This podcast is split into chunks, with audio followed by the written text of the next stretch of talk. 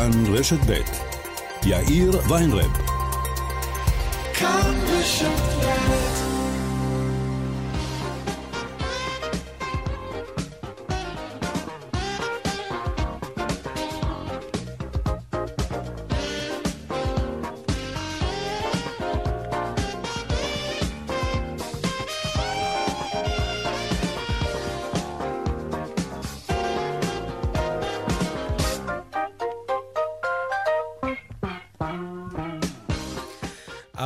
וחמש דקות בדיוק, כאן צבע הכסף ברשת ב', יום שני, שלום רב לכם, העורך רונן פולק, המפיקה סמדר טל עובד, טכנה השידור שלנו היום הוא חיים זקן, הדועל של צבע הכסף הוא כסף כרוכית כאן.org.il, אני יאיר ויינרב, מעכשיו עד חמש, אנחנו מיד מתחילים.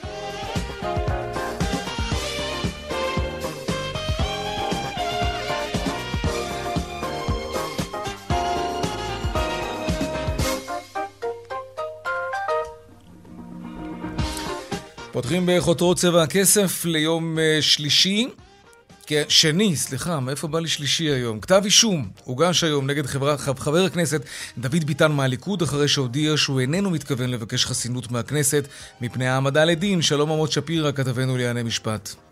כן, שלום יאיר. אז אחרי שחבר הכנסת דוד ביטן מהליכוד מוותר על בקשת החסינות, מוגש אחר הצהריים כתב האישום נגדו. כתב אישום שמכיל כמה פרשות ושורה של אישומים, שבו 16 נאשמים, בראשם כאמור ביטן, ומי שחותם את הרשימה הזו הוא חיים רביבו. מדובר בכתב אישום שלמעשה נוגע בחיבור שיש בין אנשי עסקים, בין אנשי נדל"ן, לבין אלו שיושבים בצמתים הנכונים, בוועדות התכנון ובעמדות אה, של כוח, שמנצלים את כוחם לקדם אינטרסים של אחרים, ובתמורה מקבלים הרבה אה, כסף, עבירות שוחד יש כאן ועבירות אה, נוספות.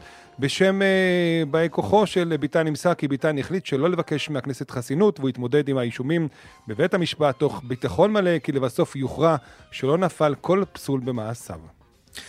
עמוד שפירא, כתבנו לענייני משפט, תודה רבה. זעם בענף התיירות על ההחלטה להרחיב מאוד את מספר המדינות שהשבים מהן יחויבו בבידוד. שרת התחבורה מרב מיכאלי קראה היום לראש הממשלה ולמשרד האוצר להתגייס במהירות כדי למנוע קריסה מוחלטת של חברות התעופה הישראליות. מיד נדבר כאן עם מנכ"ל חברת ישראייר, עוד בצבע הכסף בהמשך ברקע נתוני השיא בשוק המשכנתאות, בנק ישראל מבטל היום אה, כמה הקלות לרוכשי הדירות שניתנו במהלך משבר קורונה. בבנק אה, המרכזי החליטו שלא לאפשר עוד נטילת הלוואה שמכונה הלוואה לכל מטרה לצורך הון עצמי ראשוני לרכישת דירת מגורים. בנוסף, הוחלט שלא להאריך שתי הקלות בתחום המשכנתאות שניתנו בתחילת המשבר והן הסתיימו בסוף ספטמבר.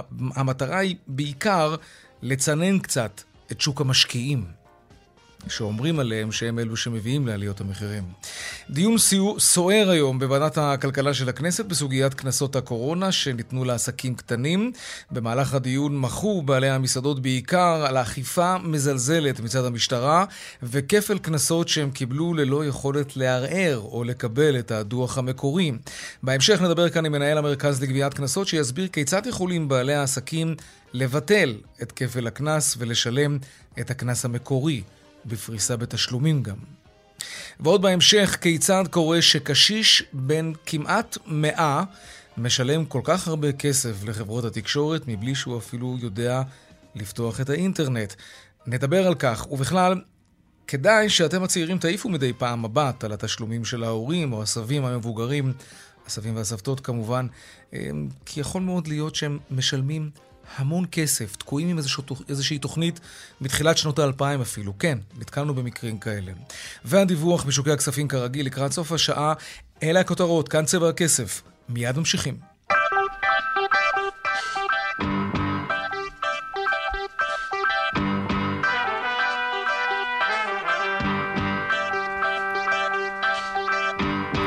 אז משרד הבריאות שינה אמש שוב את אה, מדיניות הבידוד, ולמעשה השבים ממרבית מדינות העולם יידרשו לשהות בבידוד מלא ומוחלט כבר בשבוע הבא. רק שלוש מדינות נשארו למי שרוצה לחזור בלי בידוד. המשמעות, המשמעות בנתב"ג היא בלאגן מאוד גדול. שלום שרון עידן, כתבנו לענייני תעופה ותיירות. כן, שלום אה, יאיר. תשמע, דיברת על שלוש מדינות, אז הנה אני מעדכן אותך ממש בדקות האחרונות, גם מדינה רביעית. הונגריה, איך זה קורה? ההונגרים מבינים את הפוטנציאל שבעצם נוצר פה, בואו נדגיש רגע מה קרה. אה, בעצם משרד הבריאות הודיע אתמול על רשימה של עשר מדינות שאליהן ניתן יהיה לטוס ללא בידוד. אגב, מרביתן מדינות שבכלל לא מקבלות ישראלים. תנסה להיכנס עכשיו לאוסטרליה, אפילו אם אתה אוסטרלי שנמצא מחוץ לישראל, אה, מחוץ למדינה, כנראה לא כן. לא נצליח להיכנס.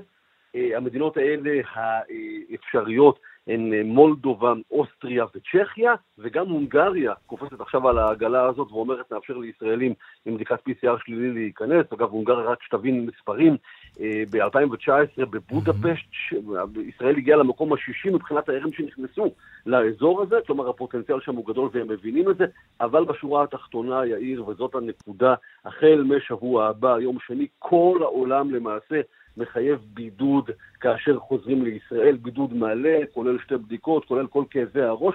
בעצם משרד הבריאות אתמול בשעות הלילה המאוחרות משחרר, אחרי שכל היום חיכינו בעצם לרשימה הזאת, הודעה שבעצם הרשימה השחורה, שאליה אסור לטוס בכלל, כרגע מצטמצמת לשש מדינות, בין היתר מוציאים משם את אנגליה ואת קפריסין, מדינות אחרות, אבל בעצם סוגר כמעט את כל העולם לתנועה, משמע אנשים שהזמינו כרטיסי טיסה ליעדים שעד אתמול היו ירוקים ובכלל לא דובר בהם, יצטרכו, בין אם הם מחוסנים, בין אם הם לא מחוסנים, כן חיסון שלישי, לא התחסנו בכלל, בידוד להיות. בבידוד מלא ומוחלט. כן, טוב, נראה אם זה יוציא את החשק באמת לישראלים לטוס. נכון. בוא נצרף, שרון עידן, אה, לשיחה שלנו את אורי סירקיס, מנכ"ל חברת ישראל, שלום לך.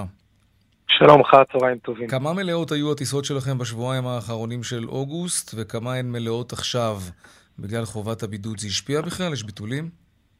בעצם אה, מאז אה, אותו יום במחצית יוני, שבו קרא ראש הממשלה אה, לאזרחי המדינה אה, שלא לטוס לחו"ל וגם לא להזמין, אז אה, כל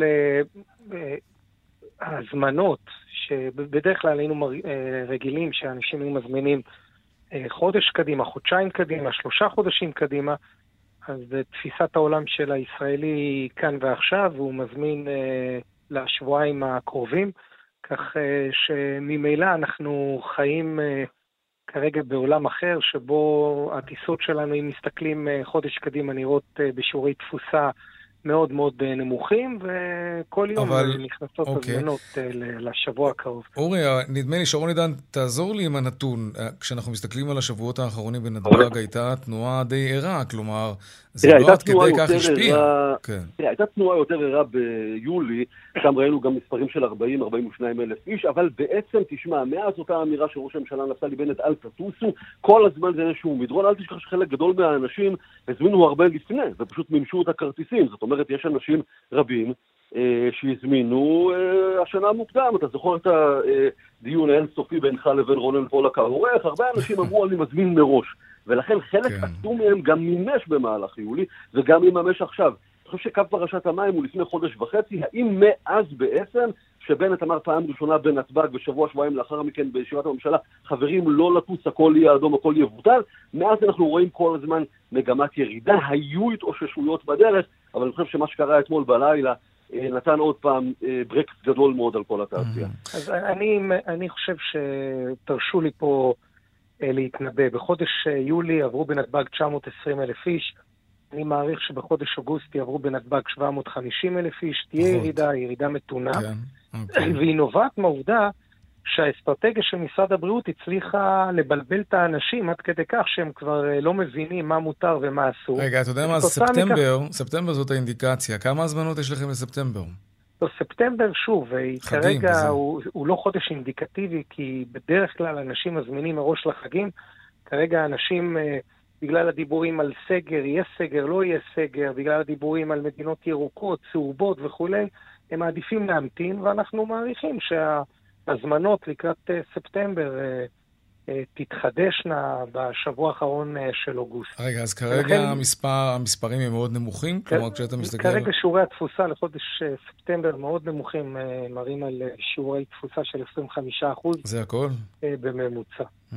פניתם... ואני רוצה להדגיש רגע, יאיר ואורי, שספטמבר השנה היה אמור להיות בוננזה גדולה מאוד, חודש עם שבעה ימי עסקים. מה שאולי אורי לא אומר לך וצריך באמת לומר, תראה, ישראייר הייתה למשל חברת התעופה, אני חושב, היחידה שהגישה בג"ץ נגד משרד הבריאות ונגד החלטות הממשלה, ובסופו של דבר בג"ץ כן אמר שצריך לעשות סדר בעניינים. אני חושב שמה שאנחנו ראינו אתמול בלילה, אה, אם אנחנו רגע רוצים לפתוח פה את כל הסוגריים, זה אוקיי, בג"ץ אמר כך, אנחנו אם ככה נלך לכיוון הזה, זאת תהיה ההחלטה. אין נתב"ג סגור, יש נתב"ג סגור בצורה אחרת. אוקיי. Okay. אה, אורי, אתם פניתם, נדמה לי, לאחרונה לראש הממשלה בנט ודרשתם לקבל פיצוי על הקריאה הזאת שהזכרת לפני זמן קצר, שהוא קרא לציבור לא לטוס. זה הרי פגע בכם. שמעתם משהו בכיוון הזה ממשרד ראש הממשלה? יש כוונה לפצות אתכם על זה? כן, אנחנו אה, גם נפגשנו בנושא הזה אתמול, ראשי חברות התעופה עם אה, כן. שרת התחבורה, ש... קראה היום באמת לפצות את חברות התעופה הישראליות, ואנחנו נמצאים בקשר, בדיונים. עם uh, משרד האוצר, משרד ראש הממשלה, רשות תעופה אזרחית. Uh, ואנחנו מקווים שישמעו את... Uh, כרגע לא אישרו לכם פיצוי בשורה התחתונה.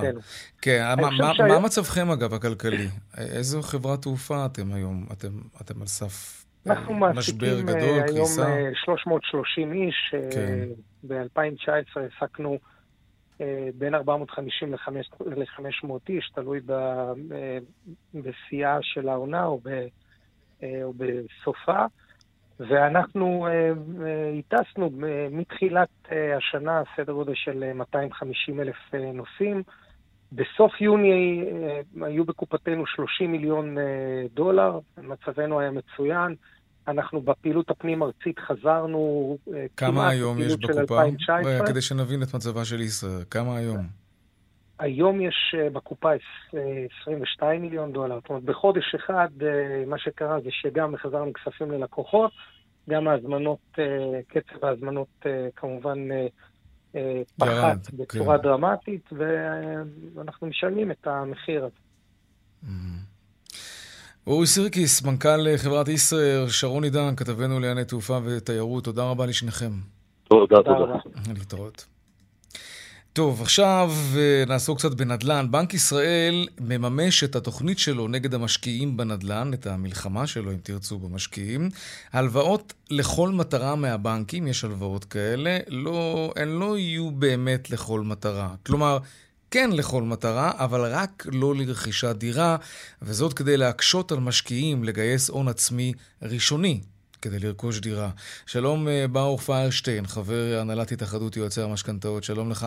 שלום לך, צהריים טובים. מה דעתך על המהלך הזה של בנק ישראל? המהלך של בנק ישראל הוא סוג של אה, טיפה לצנן את השוק, אבל לצנן את זה עם, עם, אה, עם פטישים. זאת אומרת, זה להגביל את השוק להרוג את המשקיעים הקטנים, שזה רק משקיעים קטנים. כשאנחנו מדברים על משקיעי נדל"ן, אז משקיע שיש לו הרבה דירות, לוקח הלוואות עסקיות, הוא לא מוגבל, אין עליו רגולציה בכלל. כל הרגולציה הזאת היא רק על המשקיעים הקטנים, שקונים את הדירה הנוספת לפנסיה, וכאלה שבעצם לא יוכלו מעכשיו יותר למנף את הנכס הקיים שלהם לצורך קניית נכס נוסף. אתה יודע, אבל כשאתה חושב על המשקיע הקטן, אז אתה באמת, פתאום הלב שלך יוצא אליו, מסכן, הוא קטן. אבל כשאתה מדבר על מסה קריטית של משקיעים קטנים, יש בכוחם כן להשפיע על השוק. נכון, אבל, אבל צריך uh, לזכור שבנק ישראל מפקח רק על, uh, רק, על, uh, רק על הבנקים. שוק האשראי היום הוא הרבה הרבה יותר רחב. ופה אני אגיד לך באמת, בתקופה האחרונה אנחנו מכירים הרבה את הגופים החוץ-בנקאיים, כן. יש היום הרבה גופים שנותנים אשראי, mm-hmm. לא רק הבנקים. הגופים האלה לאט לאט, המחירים שלהם ירדו והתקדמו לכיוון הבנקים. זאת אומרת, גם עד היום התחרות הלכה והתפתחה. אם בעבר ראינו אשראי חוץ-בנקאי ב-7-8 אחוז, היום אנחנו כבר רואים אשראי חוץ-בנקאי באזור ה-3, 3-4 אחוז. כלומר, יש אלטרנטיבה? זה, זה מה שאתה מנסה יש אלטרנטיבה, אבל האלטרנטיבה הזאת תיהרס עכשיו, כי ברגע שהחוץ-בנקאי יבינו שאין להם תחרות עם הבנקים, לא יהיה להם עניין לרדת לריביות של אזור הבנקים. אז הריביות יעלו. טוב, אז זה גם ישיג את המטרה, כי אז המשקיעים אולי לא יהיה כדאי להם לקחת הלוואה, מה שנקרא... או שלא יהיה כדאי להם, או שהם באמת ייקחו כן. בריביות יקרות. אבל נכון. תראה, ברוך, אה, אנחנו כבר שנים ארוכות תקועים עם היצע הדירות קטן באופן משמעותי מהביקוש לדירות, מה שגרם כמובן למחירים גבוהים, כי יש המון מתחרים על כל דירה למכירה, ככה זה. לא רק זה, גם שנת קורונה האטה את התחלות הבנייה, כך שיש עוד יותר פחות דירות לעומת הביקושים. המצב קשה. זוגות צעירים ואנשים שרוצים לשפר את הדיור שלהם לא מצליחים למצוא דירה בשעה שיש אנשים שמחזיקים חמש דירות ושש דירות ושבע דירות. אין ברירה, אולי צריך לעשות להם איזה... בנק ישראל כבר עשה את הניסוי הזה. מה? בנק ישראל כבר עשה את הניסוי הזה, הוא עשה את זה כבר לפני שבע שנים כשהוא הגביל את המשקיעים מלקבל יותר מ-50% משכנתה. אוקיי, ושוחררו באמת דירות. התחלות הבנייה ירדו. התחלות הבנייה ירדו כי, כי, כי הקבלנים הבינו שאין להם מספיק שוק יציב, חזק, שמוכן לשלם, כן. אז פשוט היה פחות התחלות בנייה, ומה קורה כשיש פחות התחלות בנייה? המחירים עולים. ברור. זאת אומרת, זה לא באמת עבד בהגבלות הקודמות של בנק ישראל, וגם עכשיו זה כנראה לא יעבוד יותר מדי, כי בסופו של דבר הבעיה, כמו שאמרת, היא היצע. וזה הממשלה כן. צריכה לטפל, ולא בנק ישראל.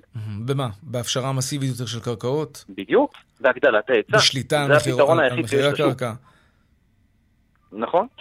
נכון, אם אנחנו, אם אנחנו רואים את... אה, תגיד, את... הרי, הרי זה לא פעם ראשונה שאנחנו הרי שומעים את זה שצריך לטפל בהיצע וכולי, וגם אתם, יועצי המשכנתאות, כל הזמן אומרים, הבעיה היא שאין מספיק קרקעות לבנייה. מצד שני, באים באוצר וגם במשרד השיכון והבינוי אומרים, יש המון קבלנים שיושבים על קרקעות הרבה מאוד זמן, והם לא בונים, כי הם מחכים, כי הקרקע משביחה את עצמה עם הזמן.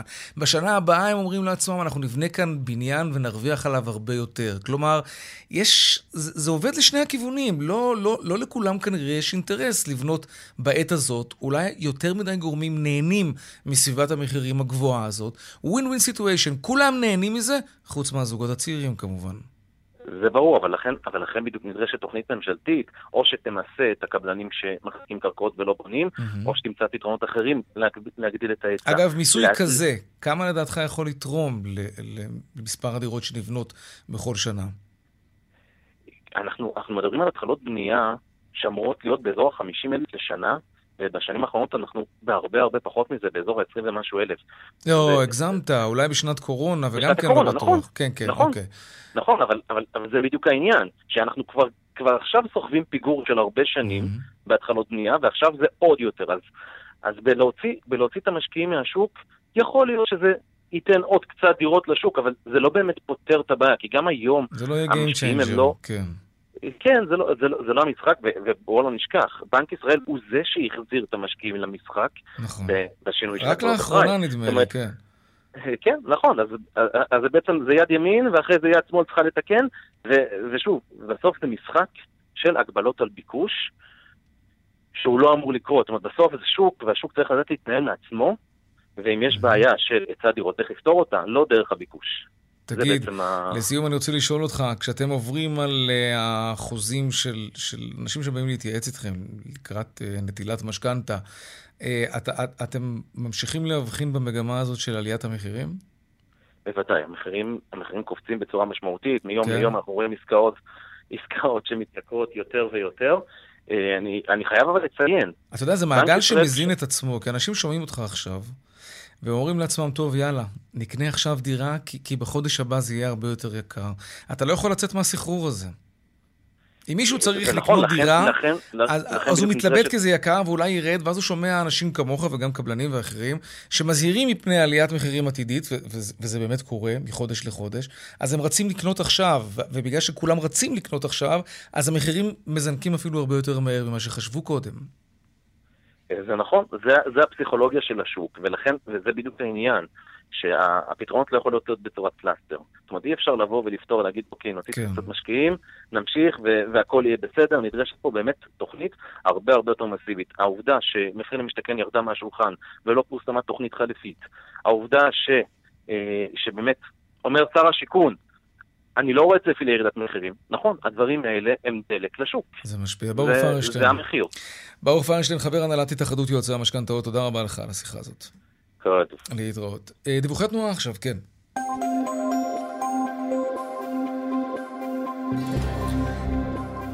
בדרך החוף אה, לכיוון צפון, פקק תנועה ממחלף רבין עד נתניה, באיילון צפון העמוס ממחלף חולון וקיבוץ גלויות עד הרצליה, ודרומה ממחלף קק"ל עד לגוארדיה, סתום, הכל סתום. בדרך 6 לכיוון uh, צפון, עמוס ממחלף קסם עד אייל, ובהמשך ממחלף עירון עד יוקנעם עילית. עדכוני תנועה נוספים בכאן מוקד התנועה כוכבי 9550 ובאתר שלנו אתר התאגיד אתר כאן, הפסקת פרסומות קצרה ומיד אנחנו חוזרים עם עוד צבע הכסף, נספר לכם על אנשים מבוגרים שלא כל כך שולטים בפירוט האשראי שלהם, ואז פתאום הנכדים או הילדים שלהם מסתכלים ומגלים, למשל, שהם משלמים חשבון טלפון של 200 שקל בחודש. כן, כי התוכנית שלהם נורא ישנה, ואף אחד לא הרים אליהם טלפון להגיד להם, תשמע, אדוני, היום משלמים 30 שקל לחודש על חשבון טלפון. מיד חוזרים. 27 דקות אחרי השעה 4, יובל אברמוביץ', השחקן, העיתונאי, הסופר, יובל אברמוביץ' החליט לעזור לסבא שלו, איש כמעט בן מאה, לטפל בחשבונות שלו, כי סבא קצת נחלש לאחרונה. מה אברמוביץ' גילה אה, כשהוא הסתכל על פירוט האשראי של סבא? זה, זה ממש, ממש אבל, סיפור מתח כלכלי, והוא העלה את זה פוסט בפייסבוק. שלום יובל אברמוביץ'. שלום, שלום, מה שלומך? אני בסדר, תודה רבה. אז תפסת פיקוד. על כרטיס האשראי של סבא שלך. מה גילית? ספר לנו. חגיגה, חגיגה מאוד גדולה של הרבה מאוד גופים אה, במשק, בעיקר גופי תקשורת, טלוויזיה, אה, אינטרנט, טלפון. דברים אגב שאנחנו שומעים מעת לעת, אה, כן. גם, גם אנשים צעירים שפתאום אגב, אני גם גיליתי לא פעם שהוסיפו לי ביטוח כזה ואחר של רק... נכון, נכון, זה קורה, כן, כן. וכולי וכולי. אבל במקרה הזה באמת מדובר בבן אדם שמתקרב לגיל 100. ואני חייב להגיד משהו, כי יכול להיות שהמאזינים, אני כבר קראתי את התגובות ברשתות החברתיות, אמרו, איפה הייתם עד עכשיו? למה לא עזרתם לסבא עד עכשיו? רגע, רגע, אבל, אבל לפני שנבוא אליך כן. בטענות, לכאורה, כן, בוא כן. ספר לנו, כי לא, לא בטוח שכל המאזינים היום ראו את אוקיי. הפוסט המאוד פופולרי שלך, אבל אולי לא כולם יודעים. מאוד מאוד. אז אתה עובר על הפירוט, ומה אתה רואה שם? מה אתה מגלה? אני מגלה שבטלוויזיה הוא משלם מדי חודש 500 שקלים. אה, שוב, חבילה ממוצעת היא 120, 150, 200 אם אתם אה, מרבים איזה, 500 שקלים בטלוויזיה. 190 שקלים בטלפון, אה, באחת החברות שמתהדרת בזה שיש לה חבילה לכל החיים בשניים וחצי שקלים בערך. אמ, מה עוד? אינטרנט, אינטרנט 200 שקלים בחודש, ושכחתי עוד איזשהו משהו, טלוויז... טלוויזיה אמרתי, טלפון, אה כן, כן אינטרנט. בבית, טלפון בבית, 250 שקל על הזכות שיהיה לו טלפון בבית. למי בינינו יש היום קו ביתי כמעט ולאף אחד אין? ב-250 שקלים לחודש טלפון קווי, כן. בסך לא הכל לא כמעט 1,200 שקלים, כשמדובר בבן אדם שהוא ניצול שואה, שמקבל בסך הכל 2,000 שקל בחודש על, על היותו ניצול שואה, וביטוח לאומי צנוע ועוד איזו הכנסה קטנטנה. זהו, הוא היה איש עצמאי כל חייו, הוא לא מה, מהדור של הפנסיות, הוא באמת, אה, מה שיש זה מה יש. ולהוציא 1,200 שקל על תקשורת, כל חודש בעיניי זה דבר מזעזע וזה מחדל, ובעצם מה שאני כתבתי בסטטוס, אני חושב שזו הסיבה שזה הפך לוויראלי, כן. שבעיניי כל החברות תקשורת צריכות באופן אוטומטי, הרי יש להם את כל המידע עלינו. הבן אדם עבר את גיל 80 או 85, לקפוץ להם התראה, אוטומטית להוריד אותו לחבילת בסיס במחיר עלות. או לא- לפחות לא... להציע, או לפחות להציע, כי צריך לקחת בחשבון שבגילים האלה אולי פחות באמת ערניים על מה, מה אנחנו באמת צורכים ומהם הצרכים שלנו. תגיד, ממש. אה, סתם מעניין אותי, כבר סיימתם לטפל בכל החשבונות האלה, ואתה יכול להגיד בכמה צמצמת? כלומר, בוודאי, כן, כן, שיניתם את כן. הטלוויזיה, הטלפון בבית, כן, הטלפון... כן, אוקיי, כן, אז... כן. שגם, שגם פה זה כמובן היה מפרך, זמן המתנה, ותשלח לנו פאקס, ותשלח לנו מסמך שהוא סיעודי, כאילו... זה, זה היה ממש מזעזע. למה? מה זאת, מה זאת אומרת, אין... למה צריך מסמך שהוא סיעודי? אה, כי אתה מטפל בזה. כן, ואח... אה, אה, לא, אוקיי. גם אחרי, ש... אחרי שהורידו את החבילה בטלוויזיה מ-500 שקלים ל-250, שגם כן. על זה לא הסכמתי, כי אני משלם כן. בבית שלי 90 שקלים, אז זה לא נשמע לי הגיוני. אמ-המ. אמרתי, אדם בן 100, הוא, הוא לא רואה, הוא קשור בטלוויזיה, זה סתם ברקע. אז uh, אמרו לי, תשלח לנו מסמך שהוא סיעודי, ננסה לייצר לו חבילה גריאטרית. אה, יש דבר ו... כזה, חבילה גריאטרית. וזה, וזה הרגע שאמרתי, אתם יודעים מה, אני כבר אפתור את זה בדר, בדרכי שלי, והנה הגענו לרדיו, ולטלוויזיה, ול... תגיד רגע, אז 1,200 שקלים סך כל אה, ההוצאות של סבא כן. על תקשורת, ועכשיו אתם עומדים על כמה? כן. הצטמצמו ל-450 שקלים. 450 שקלים. בשבע שעות של אה, המתנה, יזע וצעקות. יובל, זה סיפור מדהים. כן, לא, ואני רוצה... העניין הוא שאני בטוח שזה כן. לא המקרה היחיד. מה זה בטוח? אפשר להגיד, אנחנו יודעים שזה לא המקרה היחיד, והרבה מאוד כסף פשוט נזרק. כסף שמשולם על משהו שאנחנו לא לחלוטין. לא באמת צורכים אותו. אני חושב שהסיבה שהסטטוס נהיה ויראלי והוא הגיע כבר לכמעט 9,000 שיתופים נובעת בדיוק כי זה הדבר הזה. ואני רוצה כן. לומר עוד דבר אחד למאזינים. אה, באמת, אנחנו לא... שאלו אותי, איפה היית? למה לא כן. לפני שנתיים? כי סבא שלי עד לפני שבועיים היה אדם צלול שמתפקד במאה אחוז, והוא לא רצה שיתערבו לו בעניינים שלו. אני למדתי מזה, ואני לא יצאתי למאזינים. אי אפשר בכוח. זה גם, גורם, לא... זה גם גורם לאותו בן אדם, במקרה הזה, לסבא שלך, היה אולי להרגיש לא נוח מול הנכדים וה... והילדים. כן. יכול להיות. תשמע, אני לצערי עברתי לפני שנתיים סיפור דומה ושונה עם אימא שלי, שנפטרה בגיל 62 מסרטן. אני מצטער. וגם שם היה לנו בירוקרטיות של ביטוחים, אותו סיפור אבל אחר. ואפילו כתבתי על זה ספר שיצא עכשיו שנקרא עד הבימה האחרונה, 62 שיעורים מאימא.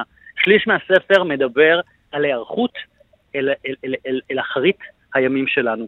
ואני חושב שכל אדם צריך להיערך גם ברמה הזאת, לבדוק את הדברים האלה מבעוד מועד, לעזור לבני משפחה המבוגרים, אפילו להילחם בהם, להתעקש שיפתחו את ה... הם לפעמים מתביישים ונבוכים ולא רוצים שתראו מה יש להם. נכון. והרבה פעמים המבוגרים נורא נאחזים בכסף שלהם, אפילו היה לי ויכוח על זה עם סבא שלי, אבל זה חשוב. מאוד הנה, חשוב. הנה, הצלחנו לחסוך כאן 700 שקלים בחודש, וזה המון. וזה המון כסף, וגם הספקנו גם לדבר על הספר האחרון שלך, עד הדמעה האחרונה, 62 שיעורים מאימא. אה, יובל אברמוביץ', שחקן, עיתונאי, סופר, תודה רבה לך. תודה, תודה. תודה. הזאת להתראות. תודה. אנחנו עדיין בעניין הזה. שלום שרון לוין, מנהלת מכללת פעמונים. שלום רב. עד כמה, עד כמה התופעה הזאת נפוצה של אנשים שמגלים יום בהיר אחד שההורים שלהם, את יודעת מה? אולי אפילו הם עצמם משלמים 700 שקלים מיותרים בחודש על משהו שהם לא צריכים. בדיוק כך, אנחנו מלווים, אנחנו, אני באה מטעם ארגון פעמונים, שאנחנו מלווים משפחות להתנהלות כלכלית נבונה, כן. גם בליווי פרטני וגם בהדרכות, ואנחנו פוגשים אלפי משפחות בשנה שבאמת אה, לא יודעים על מה הם מוצאים את הכסף, ובאמת אה, בדברים האלה שהם אה, הרבה פעמים אה, לא מסתכלים בכרטיסי אשראי, לא רואים מה ההורדות שלנו, מה התשלומים. זה מין אנרציה כזאת שכבר פעם אחת שילמתי וכבר חתמתי על איזשהו משהו ולא שמתי לב. זה קורה גם לנו, ובטח לאנשים, לאזרחים ותיקים, אנשים שהם יותר מבוגרים, שהם פחות נגישים גם לאינטרנט ולא כל כך עוקבים אחרי התשלומים האלה. אמ, ובדיוק מה שיובל אמר קודם, אנחנו אה, מדריכים אנשים אה, לקראת פרישה, לקראת המעבר אה, לגיל השלישי, בדיוק בדברים האלה, כדי, הם צריכים לבדוק ולראות וממש לעשות בדיקה מדוקדקת של על מה הם מוציאים ומה התשלומים שלהם, האם זה נכון להם גם כשהם כבר אזרחים ותיקים, אנשים מבוגרים שלא משתמשים ב... בדברים האלה, במוצרים האלה. יכול שהם כבר פעם הם כן השתמשו, ועכשיו זה כבר לא רלוונטי לחיים שלהם. נכון. אבל תגידי, אבל מעבר לעניין הזה של להגיד לאנשים, תתעוררו ותסתכלו בפירוט האשראי שלכם, מה עוד, מה עוד אפשר לעשות חוץ מזה? תראה, אנחנו מדברים עם, עם המשפחות על אחריות אישית. אמ, כי אנחנו יכולים להגיד, טוב, זה האשמה של חברות הביטוח וחברות האשראי וכולי וכולי. אולי זה גם, אולי זה, זה גם. יכול להיות שזה גם. תראי, יובל אברמוביץ' שאנחנו... אומר, אולי לחייב בחקיקה אפילו, אם צריך, חברות, שיהיה להם אלגוריתם, שבאופן אוטומטי מסנן לקוחות מעל גיל 80-85, יש להם תוכניות ישנות ויקרות. ולהציף את זה כלפי מעלה, זה הדבר הכי שירותי לעשות. אני, אני מבטיח לחברות התקשורת שהם אפילו ירוויחו מזה כסף. כי זה, כי זה הוגן, והוגנות ברור, מייצרת ברור, כסף. ברור, ברור, אני לגמרי איתך ולגמרי מה שיובל אמר קודם. זה באמת uh, משהו שצריך להציף כלפי מעלה כמדיניות, כמשהו ש... Uh, אתה מגיע, מגיע לאיזשהו גיל מסוים, או איזשהו כן. רף מסוים, ופשוט uh, להכריח את חברות התקשורת לעשות את הדבר הזה. אבל אנחנו, כשאנחנו רואים את הפרט ואת האנשים ככה בלבן של העיניים, אז אנחנו מנסים אה, באמת לעשות את השינוי גם מלמטה, ואנחנו באמת פוגשים אלפי משפחות ש, שזה המצב. אה, לפעמים זה הרבה יותר מ-700 שקל בחודש, לפעמים גם הרבה, באמת הרבה יותר. אה, ואנחנו רוצים פשוט שהם ישימו לב, שיבדקו, אבל זה, זה לא רק על עצמם, זה גם אנחנו, שאנחנו יכולים לעזור להורים שלנו, שהם באמת לא כל כך אה, אה, בקיאים בדברים האלה, בטח הרבה פעמים אנחנו רואים שהם לא, אין להם את האוריינות הדיגיטלית, אין להם את האפליקציה של האשראי בטלפון וכולי, והחבר'ה הצעירים באמת יכולים לעזור גם למבוגרים לבדוק את הדבר הזה, ובאמת באמת גם להרים את הטלפונים לכל החברות, שגם זה דורש זמן ודורש הרבה התעקשות, ובאמת מעקב, כן. כי אם אתה לא מתקשר עוד פעם ועוד פעם ואתה מוודא שזה באמת קורה, אה, יכולים נכון. להגיד לך כן, כן, וזה לוקח גם עוד כמה חודשים עד שזה באמת קורה. שרון לוין. אז צריך גם את הסובלנות והאורך רוח ואת המעקב והעקשנות לטפל בדבר הזה. שרון לוין, מנהלת מכללת פעמונים, תודה רבה לך. תודה רבה. להתראות. טוב, אה, דיון סוער היום בוועדת הכלכלה של הכנסת בסוגיית קנסות הקורונה שניתנו לעסקים קטנים. במהלך הדיון מחו בעלי המסעדות בעיקר על מה שהם הגדירו אכיפה מזלזלת מצד המשטרה וכפל קנסות שהם קיבלו ללא יכולת אפילו לערער וגם אפילו לקבל את הדוח המקורי. הנה אה, לילי בן שלום, מסעדנית ויושבת ראש ענף המסעדנים בהתאחדות המלאכה והתעשייה, שהשתתפה היום בדיון הזה. הנה. ביקשנו להמיר את הדוחות הראשונים שניתנו לעסקים באזהרה, וכמו כן לבטל לאלתר את כל כפלי הקנס שדפקו בדלת לעסקים בימים קשים אלו, עוד לא הרמנו את הראש. יצאנו עם בשורה שהודיעה רשות האכיפה שלא יהיה כפל קנס לכל העסקים ובנוסף, למי שכן יחויב בקנס, עדיין יפרסו לכם ולא יהיה כפל קנס. טוב, יש מצב שיש כאן באמת הישג. שלום דורון תשתית, מנהל המרכז לגביית קנסות ברשות האכיפה והגבייה. שלום וברכה. כבר הורדתם לשטח את ההוראה על ביטול אה, כפל הקנס? הרבה אנשים מחכים לזה. אז אני רוצה לדייק. בקצת. אה, בהחלט הייתה, הייתה ישיבה סוערת שבהם אה, נשמעו המצוקות של בעלי העסקים mm-hmm. וכמובן שגם היושב ראש של הישיבה, חבר הכנסת ביטון, ואנחנו כולנו רוצים לעזור לעסקים. אוקיי. Okay. כן, אנחנו מוכנים להוריד למי שיפנה אלינו את, ה, את הפיגורים. את הכפל. את הכ... זה לא כפל, זה 50 אחוז. Okay. אנחנו אוקיי. בהחלט חושבים שיש נסיבות שמאפשרות את זה, וזה בסמכות של המרכז לגביית קנסות, ונפעיל אותה. אני גם אומר שהפעלנו את זה לגבי קנסות קודמים. הבשורה היא שאנחנו הולכים אה, לעשות את התהליך הזה נגיש יותר, אנחנו כבר בשעות האלה מקימים אה, דף אה, מקוון שבו בעלי עסקים יוכלו לפנות בקלות ולקבל תשובה מהירה. אבל אתה מבין למה זה יגרור, יש, יש, יש אנשים שכבר שילמו את הכפל קנס הזה, הם יקבלו את הכסף בחזרה, את החלק היחסי? במידה, במידה ויפנו אלינו, נשקול את זה. אני לא יכול להתחייב, אבל אני לא, חושב שבמידה רגע, רגע, רגע. אני מבין, אבל, אבל יש, יש פה בעיה. כלומר, אם יש כאן מישהו שעדיין לא שילם, ועכשיו בגלל זה הוא צריך לשלם עוד 50 והוא יפנה, ואתם תבטלו לו את ה-50 מה יגיד זה שכן מיהר לשלם וכבר שילם את ה-50 הוא חייב לקבל את הכסף בחזרה, אחרת זה הדבר הכי לא הוגן בעולם.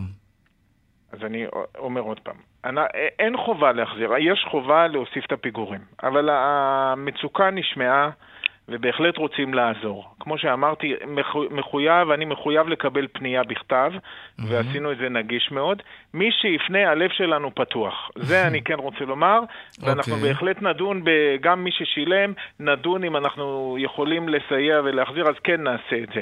אבל תגיד. כמובן שהכל במגבלות החוק, גם עלינו חל החוק, ואנחנו גם כן חייבים לטפל בזה לפי הנהלים. Okay. אוקיי. נצמצם את הבירוקרטיה למינימום. אוקיי, okay, זה, זה כבר חשוב, כי בירוקרטיה זה דבר מזעזע. אמ, המסר לא מדאיג אותך? תגיד, כלומר, חס וחלילה ניקלע שוב לסיטואציה כזאת ויהיו קנסות בהיקפים גדולים, אנשים לא ימהרו לשלם, כי המקל שלכם, ה-50% האלה, תוספת לקנס, כבר לא רלוונטי, כי, כי זה די ברור שמי שיפנה אז יבטלו לו. אף אחד לא ימהר לשלם. לא. תראה, מה שקורה הוא, אה, אנחנו אה, בהחלט אה, בתוך עמנו אנחנו יושבים, אנחנו מכירים את המצוקות. כן. כאשר פונה אלינו בעל עסק ואומר, לא עבדתי שנה, לא עבדתי, לא היה לי כסף. אז אנחנו, מכיוון שיש לנו את הסמכות לבוא ולדון בפיגורים, אנחנו בהחלט רואים את זה כנסיבה... אתם תדונו והלב שלכם פתוח. בהחלט, אנחנו okay. אוקיי. מכירים את הסיפור. אה, תגיד, uh... כמה קנסות ניתנו בשבועות האחרונים מאז שההגבלות הוחמרו? יש, יש בכלל אכיפה בהיקף דומה למה שהיה בגלים הקודמים? Uh, לא. לא, בגלים הקודמים זה היה, היו ימים ש-7,000, 8,000 דוחות, אפילו יותר. כן. בימים האחרונים, רק רגע אני אסתכל, אני בדיוק פה ליד מחשב, אז אני יכול לראות. במאות. אה, מאות. נקלטו 360 אה, תיקים. זה בהחלט... תגיד, זה... סך כל הקנסות שהוטלו על הציבור מאז פרוץ המגפה, על איזה סכום זה עומד וכמה ממנו כבר שולם? אז מיד, גם כן אני צריך לשאול את המחשב, אז מיד אני אגיד לך. אנחנו עומדים דווקא על אחוז גבייה, או אחוז תשלום אה, בסדר גמור של 60 אחוז בערך. בערך אה, דקה פה משהו נתקע לי, אז אה, מיד אני אעזור לך כמו, תגיד, 360 קנסות בתקופה האחרונה, אה, זה... ביום האחרון. ביום האחרון, אה. ביום האחרון. אבל זה עדיין בעצם כלום. זה כלום, אמרתי, היו ימים כן, של עשרת אלפים, היו ימים של עשרת אלפים. כן, דקה, אני פשוט... אה, טוב, אין לנו את הדקה הזאת, חולקו כ-700 אלף קנסות, 70 אחוז שולמו, ובסך הכל אחוזי הגבייה הם אה, בסדר גמור. אה, אני פונה גם לבעלי עסקים, דרך אגב, לא רק אליהם, גם אנשים פרטיים שיש להם מצוקה וחושבים שאנחנו צריכים, ישנם דרכים רבות, בין שבכתב ובין שבאזור האישי, לפנות אלינו. דרך האתר של רשות האכיפה וה... והגבייה, כן. קוראים לזה טופס לבקשת אה, הפחתת פיגורים. אנחנו תמיד שמחים לשמוע ולעזור. דורון תשתית, מנהל המרכז לגביית קנסות ברשות האכיפה והגבייה, תודה רבה לך על השיחה הזאת. תודה רבה. להתראות. דיווחי תנועה עכשיו. דרך חמש לכיוון מזרח עמוס מגלילות עד מחלף ירקון, ובגאה דרומה עמוס ממורשה עד מסובים, וצפונה ממחלף השבעה עד מורשה.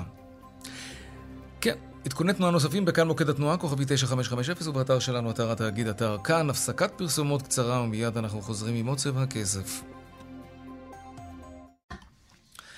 14 דקות וחצי לפני השעה 5 ממשיכים לעסוק בנושא מאוד אהוב עלינו כאן בצבע הכסף, בשר מתורבת או תחליפי בשר. שלום ישחר בן שטרית, מנכ"ל רידיפיין מיט, שלום לך. שלום יאיר, ערב טוב. גם לך. אה, בקרוב כל נתח שהפרה מציעה, אנחנו נוכל להציע גם. זה מה שאתם אומרים, ועכשיו תפרט קצת יותר. תראה, יש לנו מעבדה ברחובות, אנחנו כן. עושים שם נתחים שנעים מהמבורגר עד סטייקים. Mm-hmm. מזמין אותך לטעום, וכבר התחלנו להגיש את זה בכמה מסעדות בתל אביב, אז זה, זה הרבה פחות רחוק ממה שזה היה נדמה לנו לפני שלוש שנים, ואני בטוח שחלק מהמאזינים יופתעו כמה מהר זה יקרה, עדיין הדרך ארוכה, כי בשר זה דבר פשוט טעים מאוד. רק נבהיר, ו... זה בשר מתורבת או שזה תחליף בשר? זה בשר שעשוי מחומרים שמהצומח. Mm-hmm. כלומר, אין פה איזושהי רקמה, לא מדובר ברקמה שנלקחה מבעל, מבעל חיים והודפסה אחר כך במעבדה, זה ממש על, על טהרת הצומח לצורך העניין. כן, אה, אה, יש רקמה, יש אה, פונקציה של רקמה, יש התנהגות בפה כמו הרקמה, פשוט אנחנו מאמינים שאפשר לעשות את זה גם מצמחים, ומדגימים את זה די יפה כבר עכשיו. תגיד, המטרה היא לשנות את הטעם הישראל, הישראלי, או בכלל את הטעם של צרכני הבשר בעולם, כי אני שואל את זה כי מראיונות קודמים שעשינו בנושא הזה, ואנחנו עוסקים בזה לא מעט, אה, גם עם אנשי פודטק, גם הם אומרים שזה לא באמת טעים כמו בשר, לא, לא, לא, לא, לא בקטע של לחלק ציון, זה לא באמת הטעם של הבשר. זה, אז, אז המטרה היא באמת להידמות לזה, או אפילו לחקות את זה כמעט במאה אחוזים, או להציע אלטרנטיבה של החוויה, אבל להבין שטעם של המבורגר באמת אי אפשר להשיג אף פעם. תראה, קודם כל אני מאמין שטעמים של בני אדם אי אפשר לשנות, אנשים אוהבים בשר. יש לי ילד בן שלוש וחצי, הוא אוהב בשר, למרות שאנחנו לא אוכלים בשר בבית, זה פשוט משהו שטבוע mm-hmm. ב-DNA. Okay. עד שלא יהיה חוויה, זה לא רק טעם, זה חוויה, מרקם, כן. טעם, עסיסיות ריח.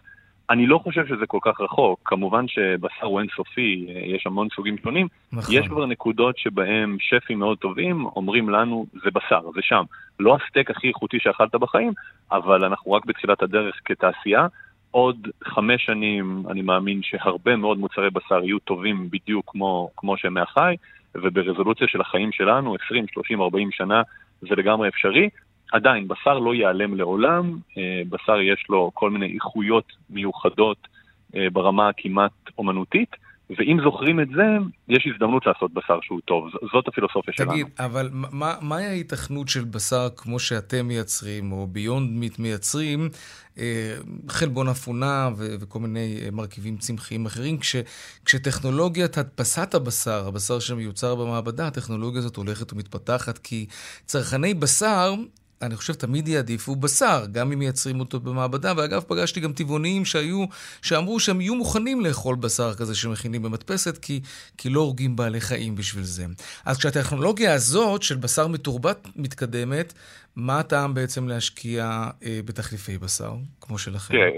קודם כל זו שאלה מצוינת, היא, היא נובעת מאיזושהי הנחה שיש היתכנות לטכנולוגיה אחת ש...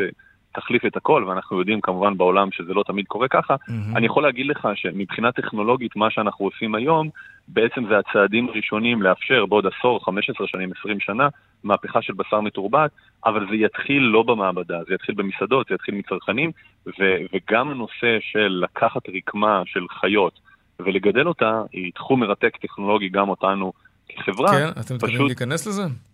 כש, כשזה יהיה בשל להיות אוכל. Mm-hmm. יש הבדל, אנחנו גם היינו חברה טכנולוגית שלוש שנים, והיום אנחנו גם חברת מזון, אנחנו מגישים לאנשים מוצרי מזון. איפה המוצרים עובדים... שלכם נמצאים?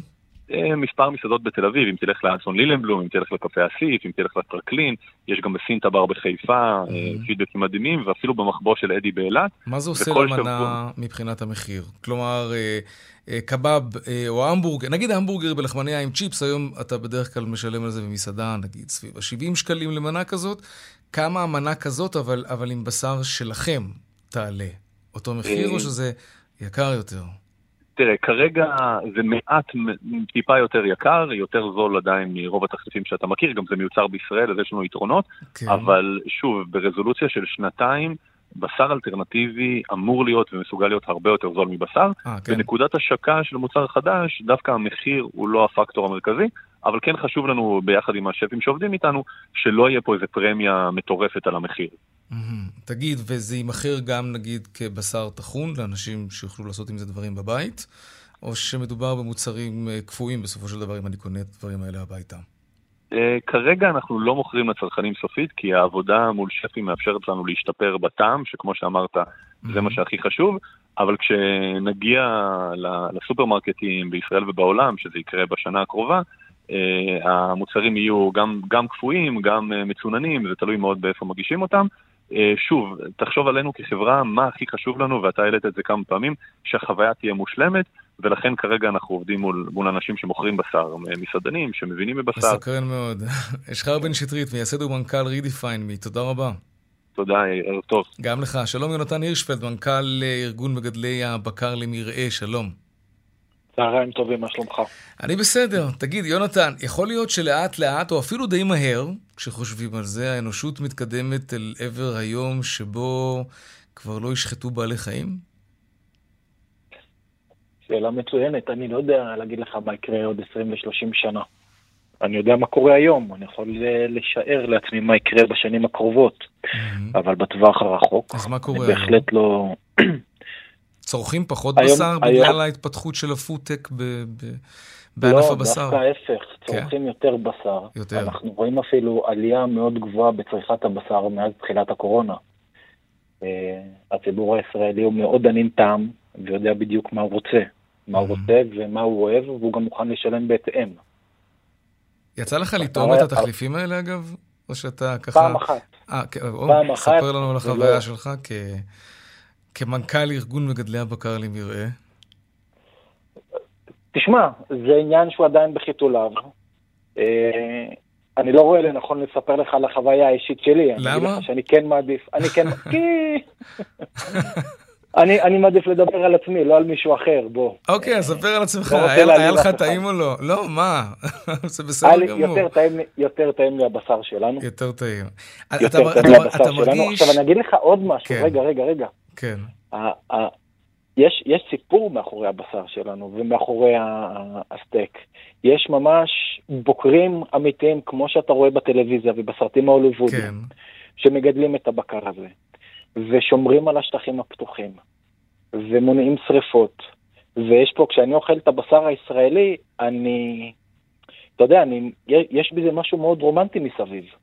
זה הרבה מעבר רק ללאכול את ברור. הבשר, אגב, ובוודאי אם זה בשר מתורבת. אתה יודע שהטבעונים טוענים, ולא רק הם, ש, שגידול הבקר אה, גם מזהם את כדור הארץ, וגם היה אפשר על כל מטר שמגדלים בו בקר לייצר אה, אוכל צמחוני שיאכיל הרבה מאוד אנשים. אבל לא ניכנס לוויכוח הזה, למרות שאני חייב להגיד לך שמאזין בשם רן, שמגדיר את עצמו טבעוני, מבקש שנשאל אותך. אז נשאל, האם יצא לך לחשוב לפעמים על בעלי החיים ש, שנשחטים? או שזה משהו שיש לגביו כבר קהות חושים?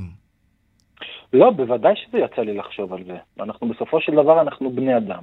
אבל אי אפשר להתעלם מהעובדה שבמשך אלפי שנים האנושות אוכלת בשר, ואנחנו אוכלים בשר. ואני מזמין אותך וגם את רן או דן לבוא לאחד משטחי המרעה שלנו, ולראות את הבקר, איך הוא גדל, ואיזה איכות ורמת חיים יש לו. נכון, יש לו יום אחד רע, רע מאוד. אבל לאורך כל החיים שלו, הוא גדל בטבע, הוא גדל בחברה הטבעית שלו, באזור הטבעי שלו, וואלה, יש להם חיים יותר טובים מלנו. טוב, אל תגזים. נכון. למרות שאנחנו לא, בני אדם אוכלים זה את זה. תגיד, טבעונים אקטיביסטים בישראל, כאלה שמרעידים את האדמה, אה, אה, זה משהו שאתם נתקלים בו? זה משהו שולי שאנחנו נתקלים בו. אוקיי.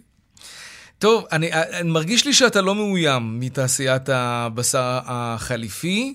אני יכול להגיד אני, לך ש... לא, אני אגיד לך מעבר כן. לזה. אני אגיד לך מעבר לזה. אני דווקא הקשבתי למה שאדון לפניי כן. אה, דיבר וסיפר, ואני חייב להגיד שזה אפילו מאוד מרשים. ובאמת כל הכבוד לו, אתה יודע, כשהתקשרתם אליי וביקשתם כן. ממני לעלות לשידור, קראתי גם עליו. ובאמת, אני רואה שהם הקימו חברה, ובאמת זו חברה ישראלית, וזה ציוני, וזה פה בארץ, לא ובאמת, כן. כל הכבוד להם. אה, אם זה, אתה יודע, הוא גם דיבר על זה שזה יהיה עוד 20 ו-30 שנה. יש זמן. בינתיים, אנחנו עדיין צורכים בשר. והבשר הוא בשר יונתן, ישראלי. אנחנו חייבים לעבור לבורסה לעדכון ולסיים את התוכנית כי זמננו תם. המון תודה, יונתן הירשפלד. תודה לכם. מנכ"ל אמבל, תודה. להתראות. אה, רואה החשבון אמיר אייל, יושב ראש קבוצת ההשקעות אינפיניטי, שלום.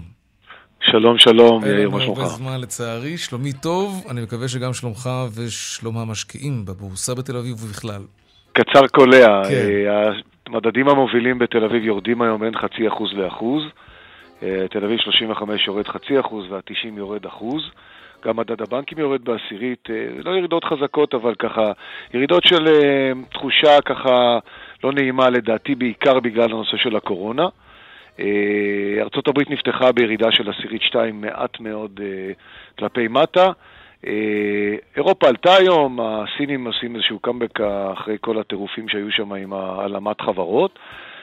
הדולר ב-3.21, קצת יורד, הנפט יורד, זה גם מעיד על איזשהו, זה 70 דולר לחבית, גם מעיד על איזה ציפיות להאטה בגלל סיפור של קורונה עולה. אז סך הכל האווירה היא אווירה של ציפייה קצת מתוחה עד כמה הסיפור של הקורונה יהיה גרוע לשווקים. אמיר איל, יושב ראש קבוצת ההשקעות אינפיניטי, תודה רבה. עד כאן. תודה לכם. צבע הכסף ליום שני, רונן פולק, סמדרת לובד, שמעון דוקרקר, חיים זקן, אהוד כהן, אחרינו, שלי וגואטה, אני יאיר ויינרב. נשתמע כאן שוב מחר בארבעה אחר הצהריים, ערב טוב ושקט, שיהיה לנו שלום שלום.